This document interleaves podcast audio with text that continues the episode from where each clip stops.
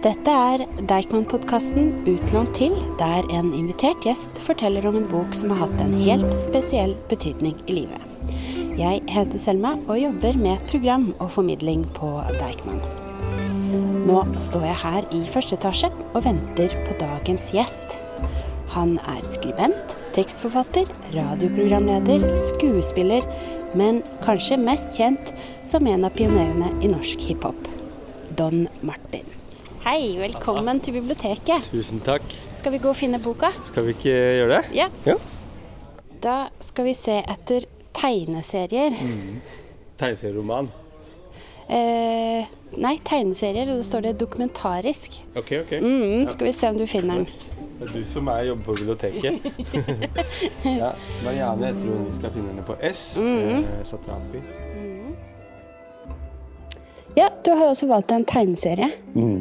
Og ikke en roman som vi vanligvis har i podkasten. Nei. Men en tegn, det er en tegneserieroman. Er Du, du føler at det er Ja, er tegneserieroman? det, er det. Men leser du mye tegneserier? Eh, ikke, ikke mye. Men jeg har eh, altså Selvfølgelig, ikke sant, når man er barn, så leser man tegneserier og når man er ungdom og sånn. Og jeg har, eh, jeg har lest noen tegneserier eh, Sånne, da. Vok, voksne tegneseriebøker, på en måte. Eh, for lenge siden før. Det er ganske lenge siden jeg har lest den her. Men også nå nyligere, på en måte. Som, eh, hvor det, det er en sjanger som kanskje vokser litt mer fram nå. Da, og liksom blir mer eh, Blir tatt mer seriøst, eh, egentlig.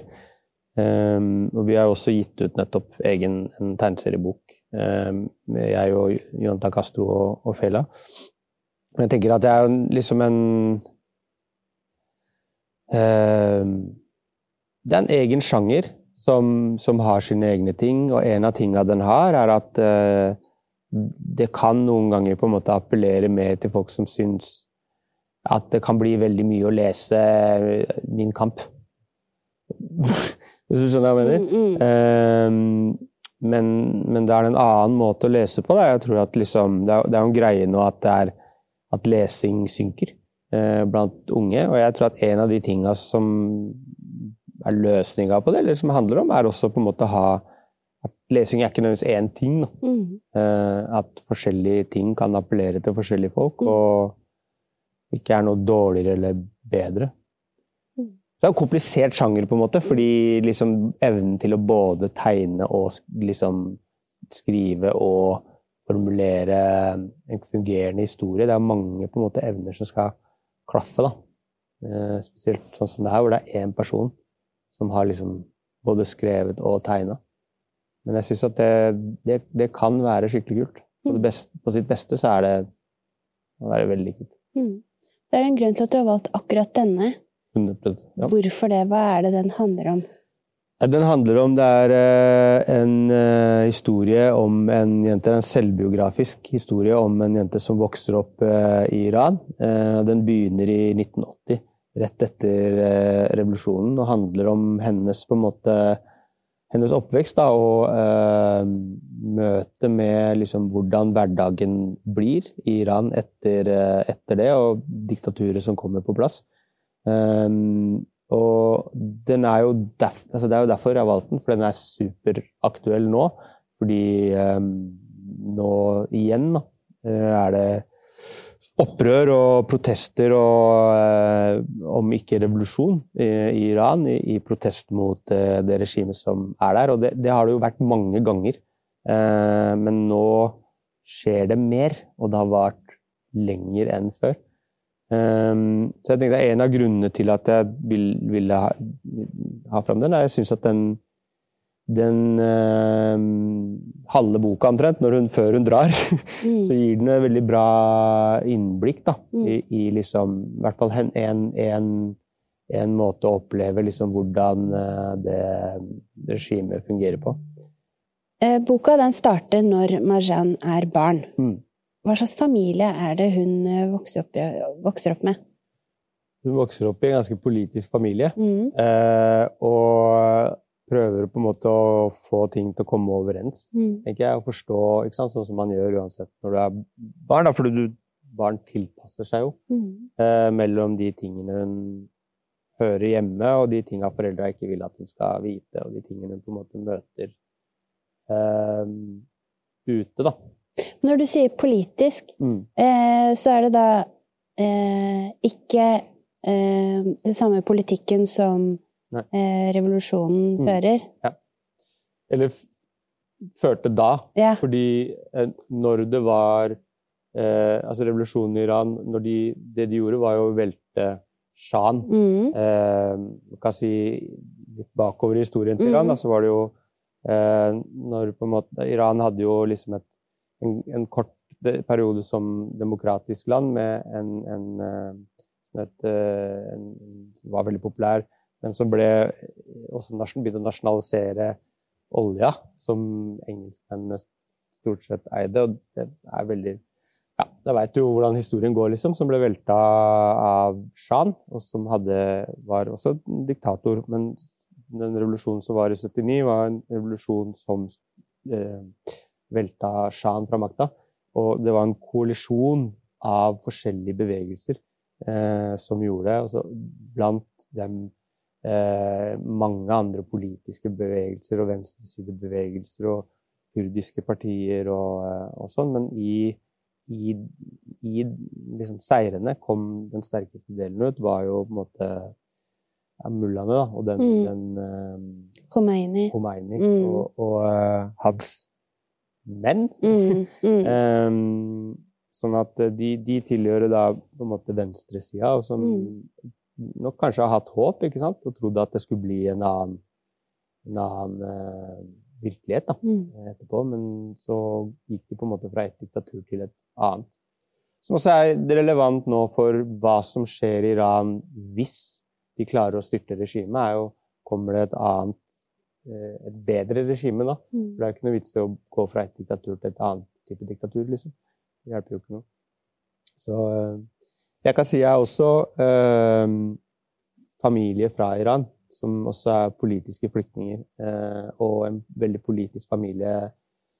Om ikke sånn som henne, men, men noen, noen likheter også, da. Så det angår jo på en måte meg eh, på den måten også, eh, og at jeg har vært opptatt av Iran. Jeg hører mye om, om det som skjer der. Jeg ser på mamma mi og svigerforeldrene mine og hele deres familie, hvordan de går gjennom de tingene som eh, de har opplevd på nytt nå, ikke sant?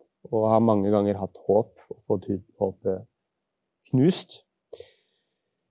Derfor tenker jeg det er en, en viktig Det er en av tre grunner til at jeg tenker at det er en viktig bok nå, da, fordi den, den viser eh, Den gir en veldig grei innføring i ganske mange ting. Og jeg syns at en ting som hun gjør veldig bra, er eh, det visuelle, hvordan hun tegner de liksom revolusjonsgarden og de sinte mennene i alle sine former.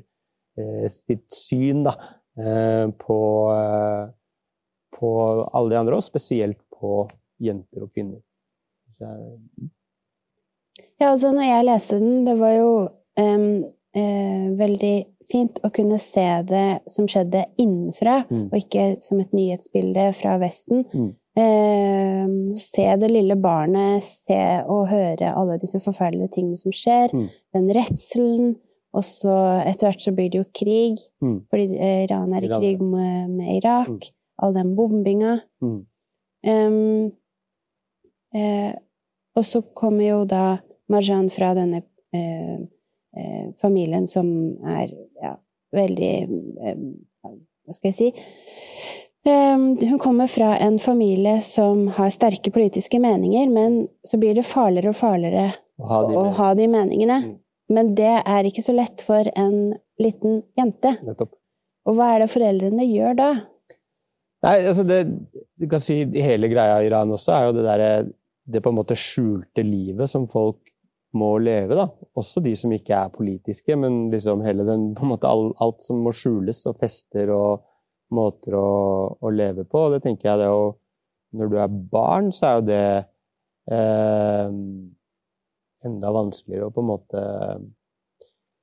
få til å, å forstå, ikke sant? Og vite hva som er hva, når og, og sånne ting. Og det tenker jeg For meg så er det den andre grunnen som gjør den boka her aktuell også, er jo det, det du begynte å snakke om nå, er jo eh, liksom Et av vår tids største spørsmål er jo flukt. Ikke sant? Og at vi har levd nå i eh, Eller vi eh, i verden har vært på en måte i en flyktningkatastrofe da, i eh, over ti år, som, som har vært større enn enn det har vært på, på siden andre verdenskrig, egentlig. Eh, og at liksom Ja, det, det, synet som er på flyktninger, da, og den liksom manglende forståelsen på en måte som folk, mange har i, eh, i, Norge og i Vesten og i, i andre land hvor folk flykter langt fra, eh, så syns jeg at liksom Dette er jo én flyktnings historie. Og det er jo veldig mange forskjellige måter eh, å flykte på, og grunner til og sånn. Men det å på en måte kunne få et innblikk da, i, i, i, flere historier om hvorfor folk gjør det de gjør, og hvor komplisert og hvor hardt det er å, å være flyktning. Jeg glemte hva jeg spurte om, men hun, hun blir jo øh, enslig mindreårig flyktning. Mm -hmm i løpet av boka, uten å avsløre altfor mye. Og det er jo også en ting som er superrelevant også i Norge, at vi har mye enslige mindreårige flyktninger mm. som kommer hit eh, fra forskjellige steder i verden uten alle de liksom støttenettverkene om liksom tingene man trenger da, når man er ung og eh, fortsatt former hvem man er, og hvem man er i forhold til verden, og alle sånne ting. Um, og det er så lett på en måte å, å liksom danne seg bilde av hvordan folk er, og hvorfor folk er, uten å gidde å undersøke det. Og det tror jeg, tror jeg at mange i Norge hadde trengt å liksom forstå mer av. Mm. Eh, hvor, hvor, hardt eh, flukt er, mm. og er på Hvor opprivende det er å dra fra alt du kjenner og alt du har, alt du trenger, eh, til et annet sted, liksom noe jeg er opptatt av. Mm. hun er jo 14 år når mm. foreldrene sender henne til Wien helt mm. alene. Mm. Og så skal man jo tro at da ordner jo alt seg. Ja. Da får hun det helt superfint. Men så, som du nevner da, da det er hardt. Altså, hardt nok å være 14 år alene, ja. selv om du har alt på stell og 100% av storfamilien din rundt deg og alt mulig, så er det å være 14 er superkomplisert. Og det å finne ut av uh, alt. da. Hvordan du skal eh, overleve og fungere, og hvem du er, og hva som er riktig og hva som er galt, og liksom tingene Stolen du skal følge i livet ditt når du er 14 år aleine, tror jeg er eh, nest, nesten brekker hvem som helst. da. Og Det er jo også en del av den historien her som jeg, som jeg tenker er viktig.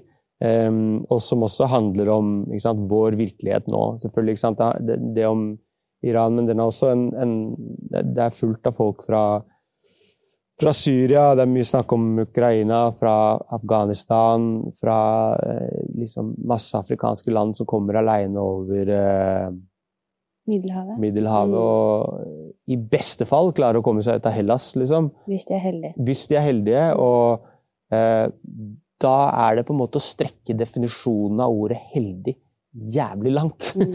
Eh, når du er tenåring og kommer aleine til liksom et Europa som i stor grad ikke vil ønske deg, eller i beste fall ønsker deg som liksom ofte utnytter deg, mm. tenker jeg. Mm. Og det er jo liksom en, en ting som er superaktuelt òg. Det har jo vært snakk om nå i det siste liksom mye Jeg leste om, om uh, hvor mange mindreårige uh, enslige asylsøkere som blir borte mm. i Norge uh, hele tida. Mm. Som er helt sjukt det er jo liksom de som, de, de som trenger samfunnet vårt kanskje mest, da. Mm. Uten at vi gjør nok. Mm. Og så som flyktning så har man jo en veldig tung bagasje med seg.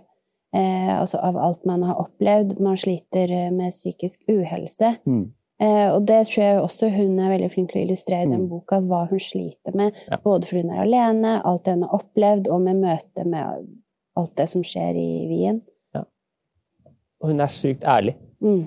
liksom, hun, hun, deler jo ting fra livet sitt som det er helt sjukt. Mm. At den eh, Jeg husker ikke hvor gammel hun er når hun skriver boka, men, mm. men, men liksom relativt ung, da. Mm. Liksom deler av eh, traumatiske ting, ikke sant.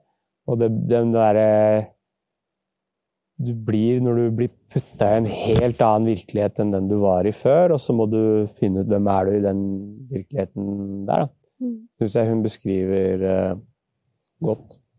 Og så kommer det en dag hvor hun får nok. Mm. Hun orker ikke mer. Ja. Og drar tilbake. Ja. Det er jo også veldig spesielt. Ja. At hun drar tilbake til det landet hvor ting er som de er. Ja. Og møte med Altså sånn Det er jo gått noen år siden hun forlot Iran, og så se hvordan ting har blitt, hvor strengere det har blitt, mm. og skal navigere etter å ha levd fri i Vesten og komme mm. tilbake igjen. Mm. Ja. Og da får du også et bilde på en måte mer av, som du sier, da, hvordan det har utvikla seg. Men jeg også tenker at eh, der forteller hun en historie som er eh, som er jævlig komplisert, da. Eh, men hvor som du kan si, den ene delen av det handler nettopp om det vi snakka om med liksom hvor, hvor, hardt det er å, å dra fra alt. Uh, men uh, nå krasja gjerne tankesangen min, for det er litt for varm. Nå har jeg hatt på jakka hele tida, så kanskje jeg ikke skal ta den av midt i intervjuet. Gå ta deg litt vann. Jeg tar, tar litt vann. ta deg litt vann. og så kan vi begynne på nytt igjen. Vi på nytt. Mm, Ja, altså Vi skal snakke om når hun kommer tilbake til Iran, ja. hvor ille ting har blitt. Mm. Er det spørsmålet? Mm. Ja. ja. Og da ser du jo på en måte også øh, utviklinga i det, i det regimet, som nok er på en måte nærmere hvordan det er nå, da. Eh, ikke sant? Hvor de har fått eh, grepet sitt om det landet ganske mm. brutalt. Det er et ekstremt effektivt diktatur. Eh, som har vart lenge, og som har Det opprøret som er nå, er ikke liksom på, på noen måte det første opprøret. Heller ikke som eh, har hatt litt styrke, da. Men det er større nå. Det har vart lenger uten at de har klart å, uh, å kvele det. Men de, de, er, uh, de, er, flinke, og de er brutale uh, i måten de liksom holder, holder befolkninga si i sjakk, da. Som hun også beskriver ganske bra, syns jeg. Når hun prøver å komme tilbake også, prøver igjen justere seg til hvordan hvem, hvem, er hun i den virkeligheten hun er i? Det syns jeg er interessant også, fordi liksom um, Når vi snakka om hvor heftig bruddet er, og på en måte forlate alt og dra, så er det også et Er det noe, tror jeg, uh, um, som jeg ikke liksom helt forstår, men jeg har tenkt mye på, heftig med å dra tilbake. Ikke sant? Fordi når du har eh, dratt eh, Så tror Det gjør jo mange liksom ting med deg selv og hvordan du ser på deg selv og, og sånn, da. Og jeg eh, eh, har vokst opp med mange flyktninger, og familien min har også flyktningbakgrunn, liksom to ledd eh, bak meg. Um, og dro ikke tilbake. Og jeg har tenkt mye på det der hvorfor man ikke gjør det, selv etter at um, du kan, da. Ikke sant? Folk liksom har en forventning om at når Jugoslavia-krigen er over, så skal alle kosovobanere ikke tilbake, liksom. Men, men, du drar jo, um, og du begynner å bygge opp noe nytt. Ikke sant? Du forlater og etterlater deg. Og det er, er ganske Det er ikke bare liksom materielt, men jeg tror også psykisk, å få synet på deg sjøl, mm. så, så, er det en konflikt som aldri slutter å være der, men som også gjør at det er ikke så lett å dra tilbake. Jeg syns også det er interessant på en måte en fortelling om en som gjør det. Mm. Um, om hvorfor og liksom Hvor heftig på en måte den krasjen er for henne i å være i Europa. Da. Så mm. heftig at hun går tilbake til noe hun veit mm. hun har måttet rømme fra. Mm. Og så lurer jeg på om vi ikke skal avsløre hvordan det slutter. Nei. Nei vi, lage, ja, vi, må lage litt uh, spenning. Vi, er, vi anbefaler den iallfall på det sterkeste. Så tenker jeg Den, den tredje grunnen ja. som, jeg tenkte, som, jeg tenkte, når jeg tenkte hvilken bok skal jeg snakke om, som jeg syns den gjør den aktuell Det ene er selvfølgelig da situasjonen som er i Iran nå, mm. som gjør den superaktuell helt konkret. Og i forhold til flukt og alle eh, som De årene det har vært nå, hvor mye det har vært fokus også for liksom, hvor mye det dominerer diskusjonen i Norge og i Europa også. da. Men det tredje er jo på en måte spørsmålet om kvinners rettigheter, mm. som, som, hele boka selvfølgelig handler om, og som er et stort spørsmål nå i Iran, og hele bevegelsen, kvinneliv, frihet-bevegelsen, mm. eh, er jo også på en måte eh, en, på hell mange andre steder. Mm. Ikke sant? Hvis du ser på Afghanistan og mm. situasjonen som er liksom for hver uke som går, i en verre. Eh, hvor de nå ikke, sant, ikke, lenger har lov til å ta utdanning på sånn og sånn nivåer. Ikke få lov mm. Kvinner kan ikke ha, bli leger, mm. men heller ikke ha en mannlig lege.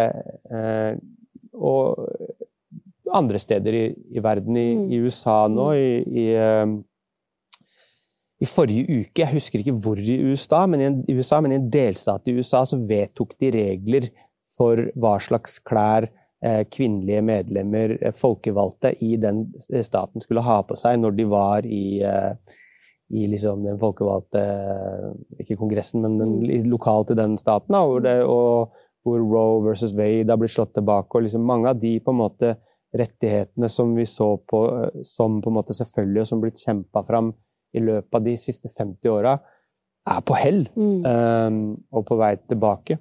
Og det tenker jeg at også gjør den, den her høyaktuell. Mm. At vi ikke skal tro uh, at fordi noe har blitt kjempa fram, at det er sikkert. Mm. Eller det selvbildet som Vesten har, da, som, som liksom uh, Progressivt fiks ferdig, da, mm. er ikke i det hele tatt liksom Det kan, det kan fort skrus en, en annen vei, da. Mm. Eh, og liksom rettighetene til Eh, til mange kan bli borte. Mm. De tinga som vi ser på som nå som selvfølgeligheter, mm. kan fort bli borte. Mm. Sånn som de mm. er i ferd med å bli i USA. Og det syns jeg også på en måte er en grunn til å lese en bok som handler veldig mye om mm. ikke sant? Mm, kvinners og jenters rett til å bestemme over seg sjøl. På alle mulige måter. En god påminnelse. Vi må ikke ta noe for gitt. Nei. Du må ikke snakke med meg, fordi jeg er alltid hypp på å ta samtalen ned i kjelleren. Ja, ja men Altså, det er jo en grunn til at vi snakker om den boka, fordi den er aktuell. Mm. Og, men samtidig som den, veldig, den, snakker om veldig alvorlige ting, mm. så har det jo veldig mye humor i seg. Mm. Litt sånn galgenhumor. Absolutt. Og mye av det ligger jo også i tegningene. Mm. Og jeg syns at hun, liksom, hun gjør noen sånne ting Når du sa i stad 'hvorfor tegneserie', så tenker jeg at det er noe med formatet òg som gjør at hun, hun kan gjøre noen sånne ting eh, som, ikke er, du ikke kan gjøre Eller hun måtte ha gjort på andre måter i, i greia. En sånn parti hvor hun sammenligner hvordan Gud og Mark ser ut inni hodet hennes, mm. og så driver hun og snakker med de mm. forskjellige. Da. Og da tenkte jeg på en annen tegneserie som, som jeg nevnte på det for deg, som, som, jeg også har likt, som jeg fant her på biblioteket. Mm. Som hvis man har lest den her, da, nettopp, mm. kan anbefale. er en, en italiensk tegneserie som heter Zero, en, en tegneserietegner som heter Zero Calcare som nå har eh, Netflix-tegnefilm, som jeg ikke har sett. Men i hvert fall han, han er en populær eh, eh italiensk tegneserietegner. Og eh, som ble interessert i eh, Rojava-revolusjonen, det som skjedde i, i, Kurdistan, i de liksom, områdene som, de, eh, som ble frigjort fra ISIS og andre, og de som holder på der, og det prosjektet de har, også, som også handler jo mye om kvinnekamp. Og så tenkte han er det her bare noe bullshit, eller er det liksom noe fett? Og så dro han dit for å finne ut er det her noe bullshit, eller er det, er det fett. Da? Og så har han på en måte tegna sin reise og sine møter med eh, de folka der, og hvordan han eh, Hva han tror og hva han ikke tror om, om, om dems prosjekt. Da. Og der også syns jeg på en måte den formen tegneserie eh, har, hvis du har en god tegneserietegner, den tillater på en måte at du kan, du kan vise mange litt motstridende ting eh, samtidig, fort. Eh, og liksom mange sånne liksom Han går liksom inn og ut av situasjoner og tegner seg sjøl som forklarer situasjonen, og at nå ljuger han egentlig, eller nå Skjønner jeg mener? Mm. På en annen måte enn enn jeg tror er lett Eller hadde kanskje vært vanskeligere, hadde blitt veldig mye tekst Mm. hvis du skulle skrevet en, eh, en roman ut av det. Og det syns jeg på en måte er en av de tingene med det formatet Mm. som gjør at at det liksom Ja, det tillater mye, da. Mm. Mm. Og virkeligheten er sammensatt, Mm. tenker jeg. da. Ting, det er ingenting er bare én ting. Mm. Og jo mer man tror at en ting er en ting, jo mindre forstår man tingen egentlig. Mm. Og det å på en måte ha muligheten til å si to ting samtidig, kanskje én ting i tekst og én ting i bilde, det gir er muligheten til å forklare virkeligheten sånn du ser den noen ganger kanskje bedre enn en bare tekst. Mm. Ja, for man undervurderer kanskje tegneseriene litt. Ja, for det, det er liksom tegneserier er for barn, Mm, ja? og det er vitser og, og sånn også. Men det er noe med at eh, Også noe med å liksom undervurdere noe som framstår som enkelt. At så Jeg kommer jo fra, fra rap, og rap har mange rammer, på en måte. Og jeg er veldig glad i de rammene og kortheten du må fatte deg i. Og det gjør det ikke nødvendigvis enklere. Altså, jo kortere du må fatte deg, jo komplisertere gjør det egentlig å formidle mye. Eh, og du kan si at det er også en ting at hvis du skriver en bok som er så lang, Mm. så får du kanskje sagt mange ting, men du mister jo veldig mange da, Mm. som ikke eh, vil eller kan eller har mulighet til å lese 900 000 sider Mm. om eh, en båt, Mm. liksom. Mm. Uh, og da tenker jeg at det, det til noen ting så er det en form som er effektiv, da. Som jeg, derfor jeg liker det. Mm. Det er også en tegnefilm, men jeg, jeg, jeg, jeg, jeg tror den er kul. Ja. ja, det er et annet format igjen. Mm. Hvis man ikke vil lese tegneserien, kan man Mm. se en tegnefilm. Um, du har en uh, liten datter. Mm. Har du tenkt å lese Persepolis med henne når hun ble gammel nok? Ja, det er Spørsmålet mitt er egentlig når er hun gammel nok? ikke sant? Mm. Fordi hun er ti, og hun leser uh, mye mer enn meg. Mm. Uh, sånn at jeg har vært liksom, jeg har vært usikker på det der med når er det uh, Når er du på en måte moden for hvor brutal virkeligheten er, da. Mm. Jeg tror at jeg leste en del om verden ganske tidlig for meg. Mm. Men jeg er ikke sikker på når, eh, når det er riktig. Så jeg har liksom jeg har sagt det til henne og, og forklart henne hva den handler om, og så tenker jeg at hun må på en måte ta det valget litt selv. Men det handler jo også liksom om noe som er nært hennes egen historie, da, og, mammaen sin og besteforeldrene sine. Og, og liksom eh, eh, Som jo var sant, politisk aktive og flykta nettopp på grunn av de tinga her, da. Mm. Sånn at det er jo det er, det er viktig å vite, tenker jeg. Mm. Det er som oftest, men ikke alltid. bedre Det er jo vanskelig å snakke om krig og konflikt med barn, Mm. men da kan kanskje litteratur være Ja. en måte å gjøre det litt enklere på. Absolutt. Men samtidig så merker jeg jo at barn er jo Det er ikke sånn at barn ikke veit om krig og konflikt. Ikke sant? Det er også en sønn som er mye yngre, og han også veit jo om at det er krig og konflikt, og folk er på flukt og sånn.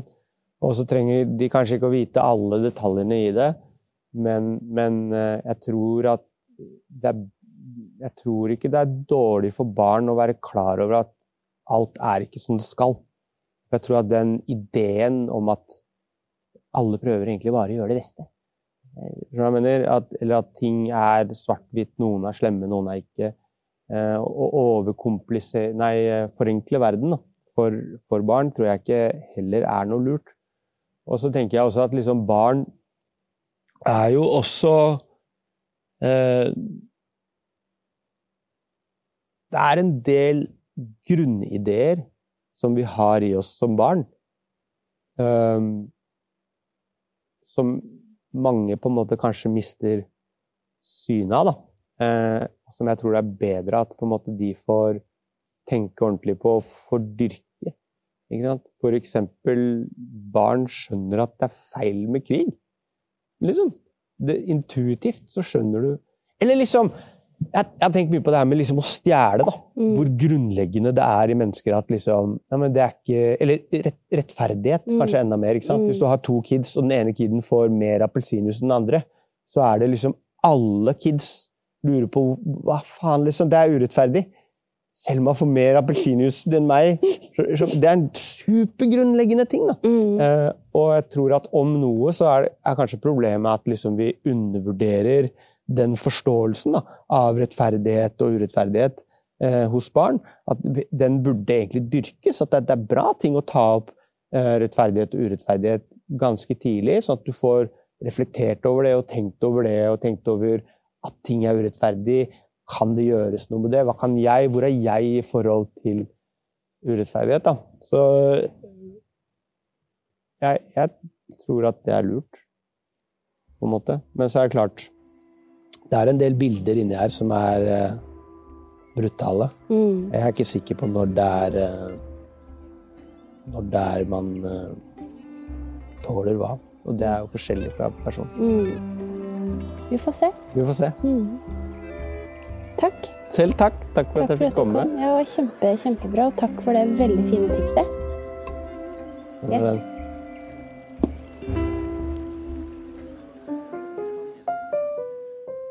Dette er en podkast fra Deichman, hele Oslos folkebibliotek.